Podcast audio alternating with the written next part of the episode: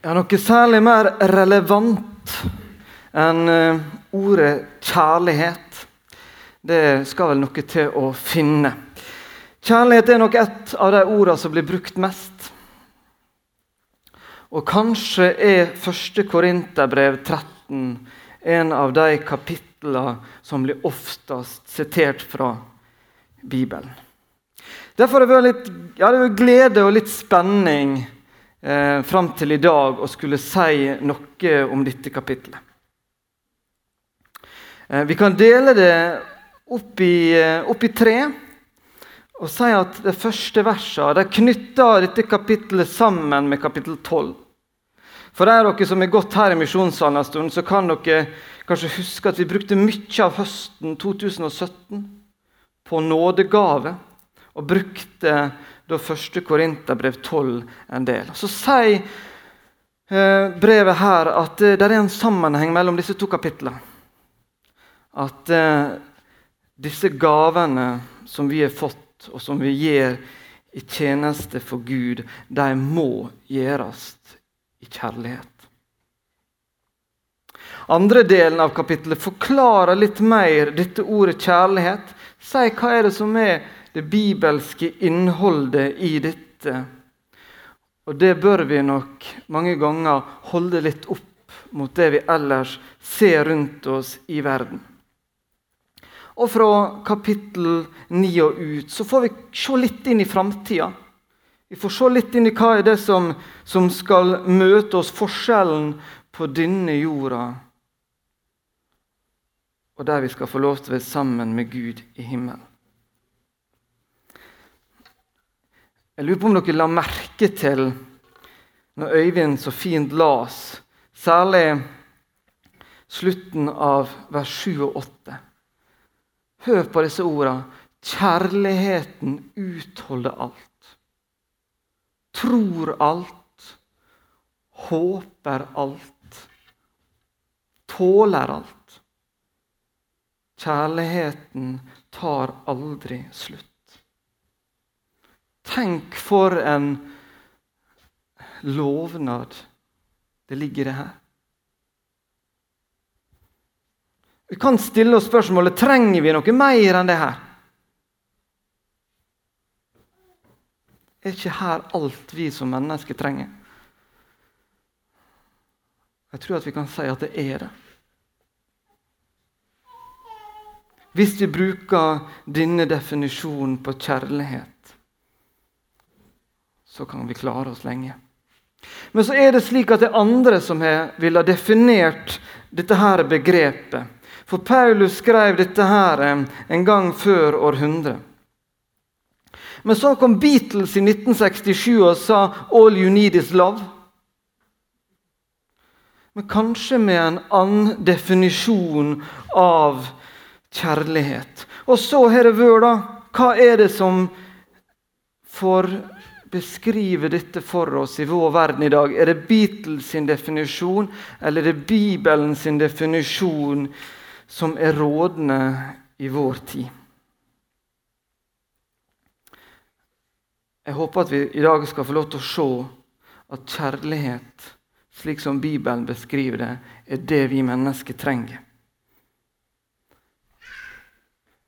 Men ikke en, en definisjon av kjærlighet skapt i en postmoderne tid.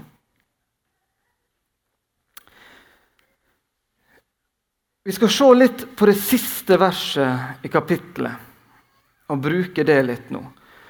Og Nå fikk jo dere litt hjelp av at Øyvind leste litt opp, og dere så det på skjermen. Men det står mot slutten der så blir de stående disse tre tro, håp og kjærlighet. Men størst og så kommer det noe. Nå skal ikke jeg teste dere, men jeg snakka om dette bibelverset med ungdommene på fredag, og med de litt større ungdommene på input. Og så, Da har jeg bedt dem si da, hva er det som står der, disse her siste ordene. Fordi at vi har så lett for å tro noe annet enn hva som faktisk står der. For det er det ofte vi hører. Vi hører ofte at størst av alt er kjærligheten. Men det som står der, er men størst blant dem er kjærligheten.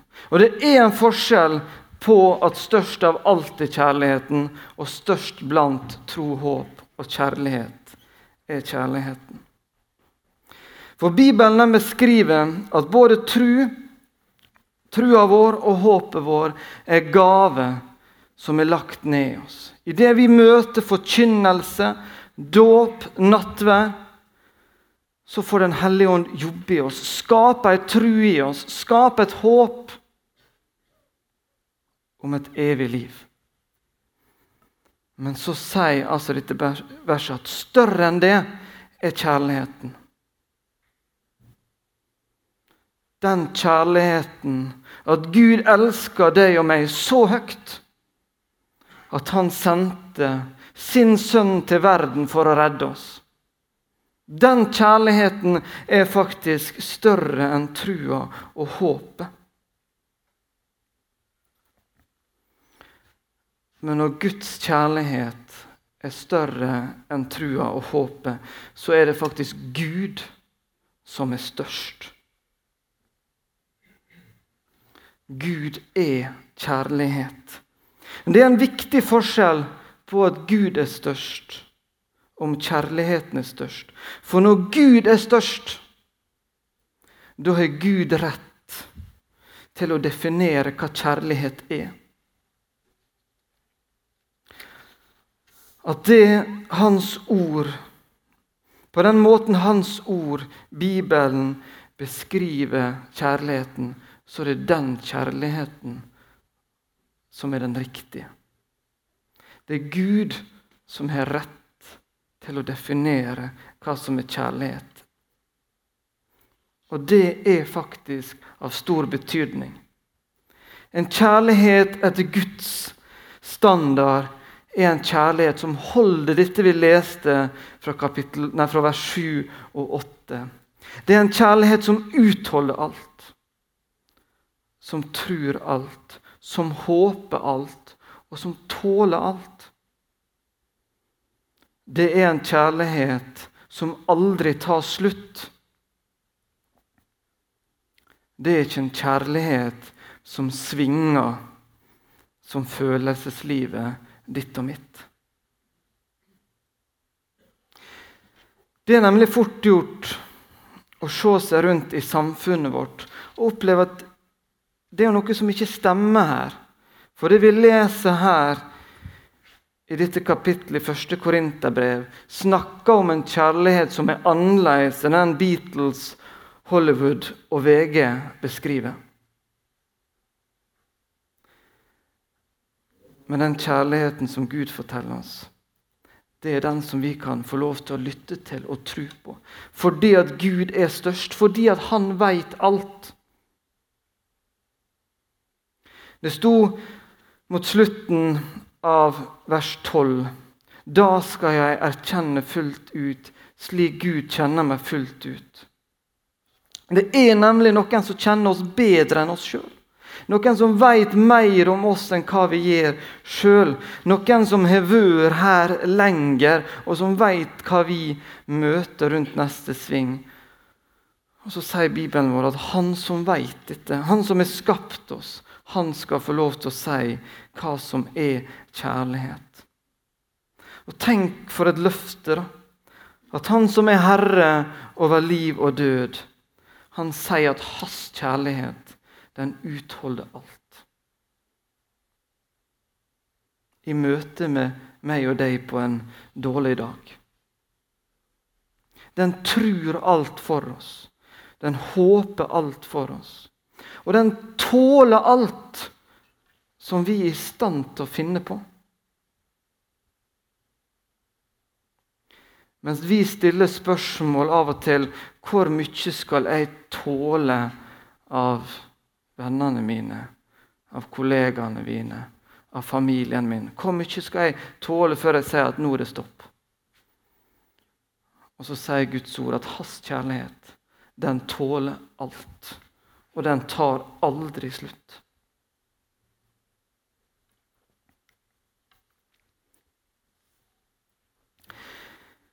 Dette kapitlet sier også noe viktig om hvor kjærligheten kommer fra.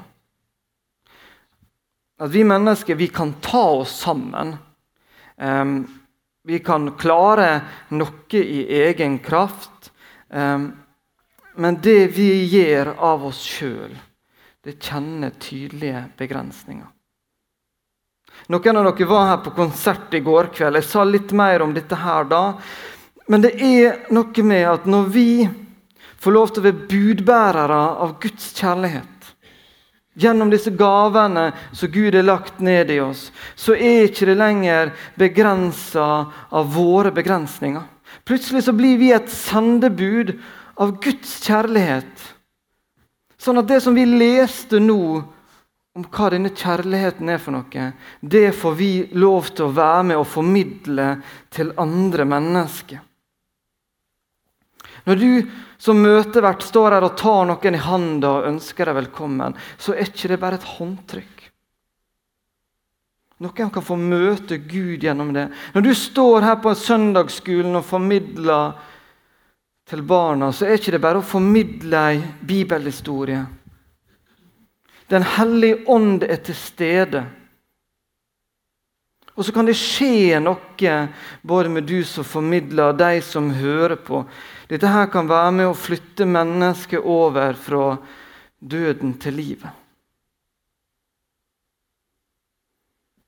Det er noen enorme krefter i denne Guds kjærlighet, og den er vi med på å formidle. Vi skaper rett og slett Ja, vi knytter jord og himmel sammen når vi gjør ei oppgave for Gud og formidler hans kjærlighet.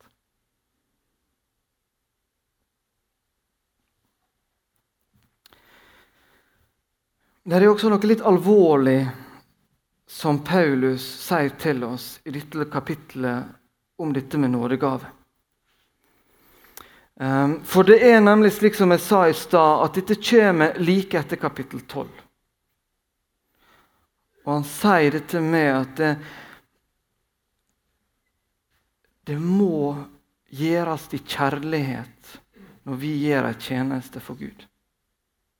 Hvis det ikke, så funker ikke det.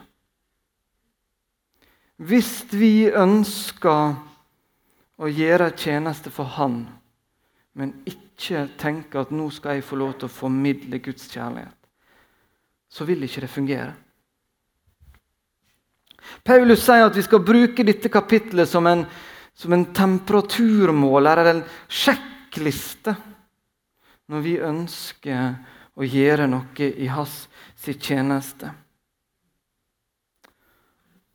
Jeg tenker at vi bør tenke litt på dette. Kanskje der du sitter nå, prøv å tenke litt gjennom hva motiv er det jeg har?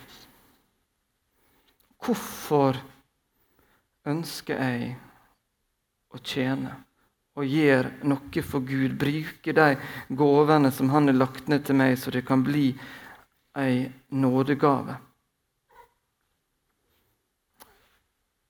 Hva er min begrunnelse for å være med på det her?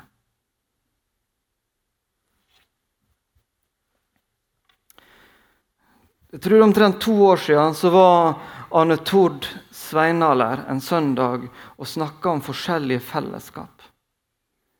Jeg husker at han, En av de betegnelsene han brukte, det var et arbeidsfellesskap. En mulighet å beskrive en menighet. Og Jeg tror at det var en del i misjonssalen som kjente seg igjen i den betegnelsen. For det er mange som legger ned um, et stort arbeid i menigheten vår. Og veldig glad er vi for det. Men du som har vært med og gjort en tjeneste her i lang tid, hvorfor, hvorfor gjør vi det? Eller du som er ny. Hva tenker du bør være motivasjon for å bidra? Eller kanskje du er her som ikke har en tjeneste. Hva, hva, bør være din motivasjon for å, for å starte og bidra i vårt fellesskap?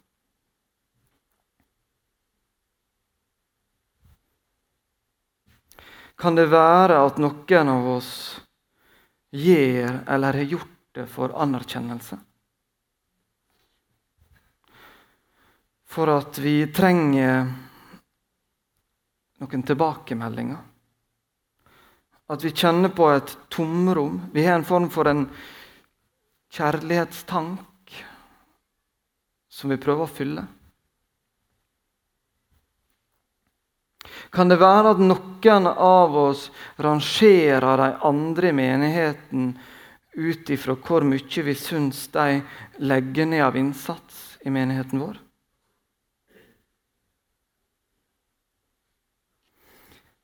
Jeg vil tro at en del av oss kjenner oss igjen. Tenk at faktisk så er jeg litt der. Eller kanskje jeg har vært der. Jeg tror jeg kan si at eh, jeg har gjort mye i kristen regi for å ha et ønske om å bli sett. En tanke om at dette her skal kanskje fylle opp litt av min tank, mine tomrom. Det var en arena der jeg kjente at jeg kunne gi noe og, og bli lagt merke til. Men hvem gjorde det for da?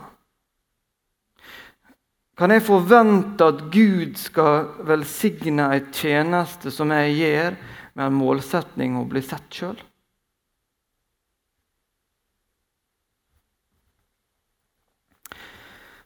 Jeg tror at jeg har jobba nok med dette til å komme meg unna. Jeg legger fortsatt merke til tilbakemeldinger, men jeg tenker at eh, jeg bruker det slik at er det mangel på tilbakemeldinger, så er ikke det at jeg nødvendigvis har gjort noe galt, men kanskje jeg kan gjøre noe annerledes for at folk kan få mer ut av det. Og det tenker jeg er greit. Um, men jeg kan ikke gjøre en tjeneste for Gud for å ville ha anerkjennelse av det. Jeg må ha et ønske om å gjøre en tjeneste for Gud. Det er Han jeg skal svare for. Det er Han jeg gjør jobben for. Jeg må få gjøre det som jeg vil og tror at Vår Herre tenker jeg skal gjøre. Det Han har lagt ned i meg, det må jeg få bruke. Og min anerkjennelse den må jeg søke i mine forberedelser. Har jeg gjort en god jobb med å forberede meg, så er det der jeg skal søke anerkjennelse. Ikke i det andre tenker om det jeg gjør. Vi mennesker trenger anerkjennelse. Vi trenger å bli sett. Vi har en sånn kjærlighetstank som trengs å fylles opp. Men det er altså et viktig poeng i dette kapittelet at når vi ønsker å gi og bruke våre gaver, da må vi tenke at nå skal jeg gi kjærlighet. Uten en tanke om at nå skal jeg få. Kanskje vi skal snakke om det en annen søndag, hvor vi skal søke anerkjennelse. Hvordan vi skal fylle opp denne tanken vår. For det er ikke uviktig. Men det skal vi ikke gjøre når vi skal gi. Da skal vi gi. Det står i Romerne 8, 3 og 4. Litt vanskelig vers, men følg godt med nå, så tror jeg kanskje vi skal få det med oss. Det som var umulig for loven, siden den sto maktesløs fordi vi er av kjøtt og blod, det gjorde Gud. Han sendte sin egen sønn som syndoffer, i samme slags kjøtt og blod som syndige mennesker har, og holdt dom over synden i oss. Slik ble lovens krav oppfylt i oss som ikke lever slik kjøttet vil, men slik ånden. I studiebibelen min så sto det en forklaring. Jeg skal lese den med. Hensikten med Kristi komme var at lovens krav om rettferdighet skulle bli oppfylt i oss ved at hans kjærlighet får slippe til. Guds vilje blir altså virkeliggjort i en troende i den grad han eller hun lar seg lede av Ånden og ikke av kjødet. Dette bekrefter at loven er god. Kanskje litt vanskelig, dette. Men jeg skal prøve å si det på en litt annen måte. Hvis vi tjener med et motiv om oss sjøl å bli løfta fram, så slipper ikke Guds kjærlighet til. Da blir det derfor ikke noen vits med disse nådegavene. Du må være klar til å gi. Derimot, hvis vi kan tjene hverandre, tjene fellesskapet med en tanke om at nå vil jeg gi Guds kjærlighet, da er det vi kan knytte sammen jord og himmel, og så kan denne fantastiske Guds kjærlighet strømme gjennom oss og ut til deg rundt oss. Og Så kan det hende at vi etterpå opplever en velsignelse sjøl. Men det skal ikke være motivet.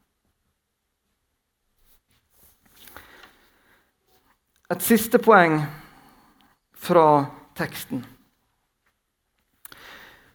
Oppdragelse, det er ikke lett. Jeg syns faktisk det å oppdra mine barn egentlig er ganske kjipt. Jeg vet ikke helt hvordan jeg skal få sagt det, men, men det å skulle liksom gå inn og si nei og begrense og sette opp disse gjerdene Jeg syns ikke er noe stas. Jeg liker å være et ja-menneske. Jeg liker å si ja da, selvfølgelig. Kos deg, ha det kjekt. Det liker jeg. Men så er det slik da, at jeg har levd noen år lenger enn mine barn. Jeg har lært av erfaring. Jeg har evne til å lære av andre sine erfaringer. Og så har jeg lest Guds ord. Og så er det riktig av meg å gå til barna mine og så si nei av og til. Og så jeg at vet du hva, slik skal ikke vi gjøre det. Vi skal gjøre det på en annen måte. Dette gjør jeg fordi at jeg elsker barna mine. Jeg gjør det i kjærlighet fordi at jeg har en kunnskap som de ikke har. Så når Gud er størst, så kan ikke jeg misbruke 1. Korinterbrev 13 og si at størst av alt er kjærligheten. Jeg kan ikke si at mennesket skal følge sine drømmer og sine lyster. Jeg kan ikke si at sannhet er noe som forandrer like fort som vindretninga. For kjærligheten sier at han er størst. Han som har ofra alt for meg. Han som ser på meg og deg som sine elskede barn. Han har gitt oss sitt ord. Og så sier han til oss fordi at jeg elsker dere slik. Fordi at jeg vil dere det beste. Så håper jeg at dere kan lytte til mitt ord. Jeg tror at jeg veit hva som er best for barna mine. Men Gud, han veit faktisk hva som er best for oss. Så når det står når vi ser i et speil i en gåte. Da skal vi se ansikt til ansikt. Nå forstår jeg stykkevis, da skal jeg erkjenne fullt ut, slik Gud kjenner meg fullt ut. Er vi villige til å innse det her? Vi vil så gjerne tenke at vi vet best. Men det er altså en som er vår fra evighet av, og som skal være i all evighet. Som kjenner oss bedre enn oss kjenner oss sjøl som veit hva vi møter rundt neste sving. Og Så sier han, kan ikke dere være så snill og høre på hva jeg sier til dere? Tenk om vi kunne ønske å leve etter det. Tenk hvor godt det er at Gud er størst. At han elsker meg med en kjærlighet som utholder alt, som tåler alt. En kjærlighet som aldri tar slutt. Det er en kjærlighet som jeg og du kan leve og dø på. Amen.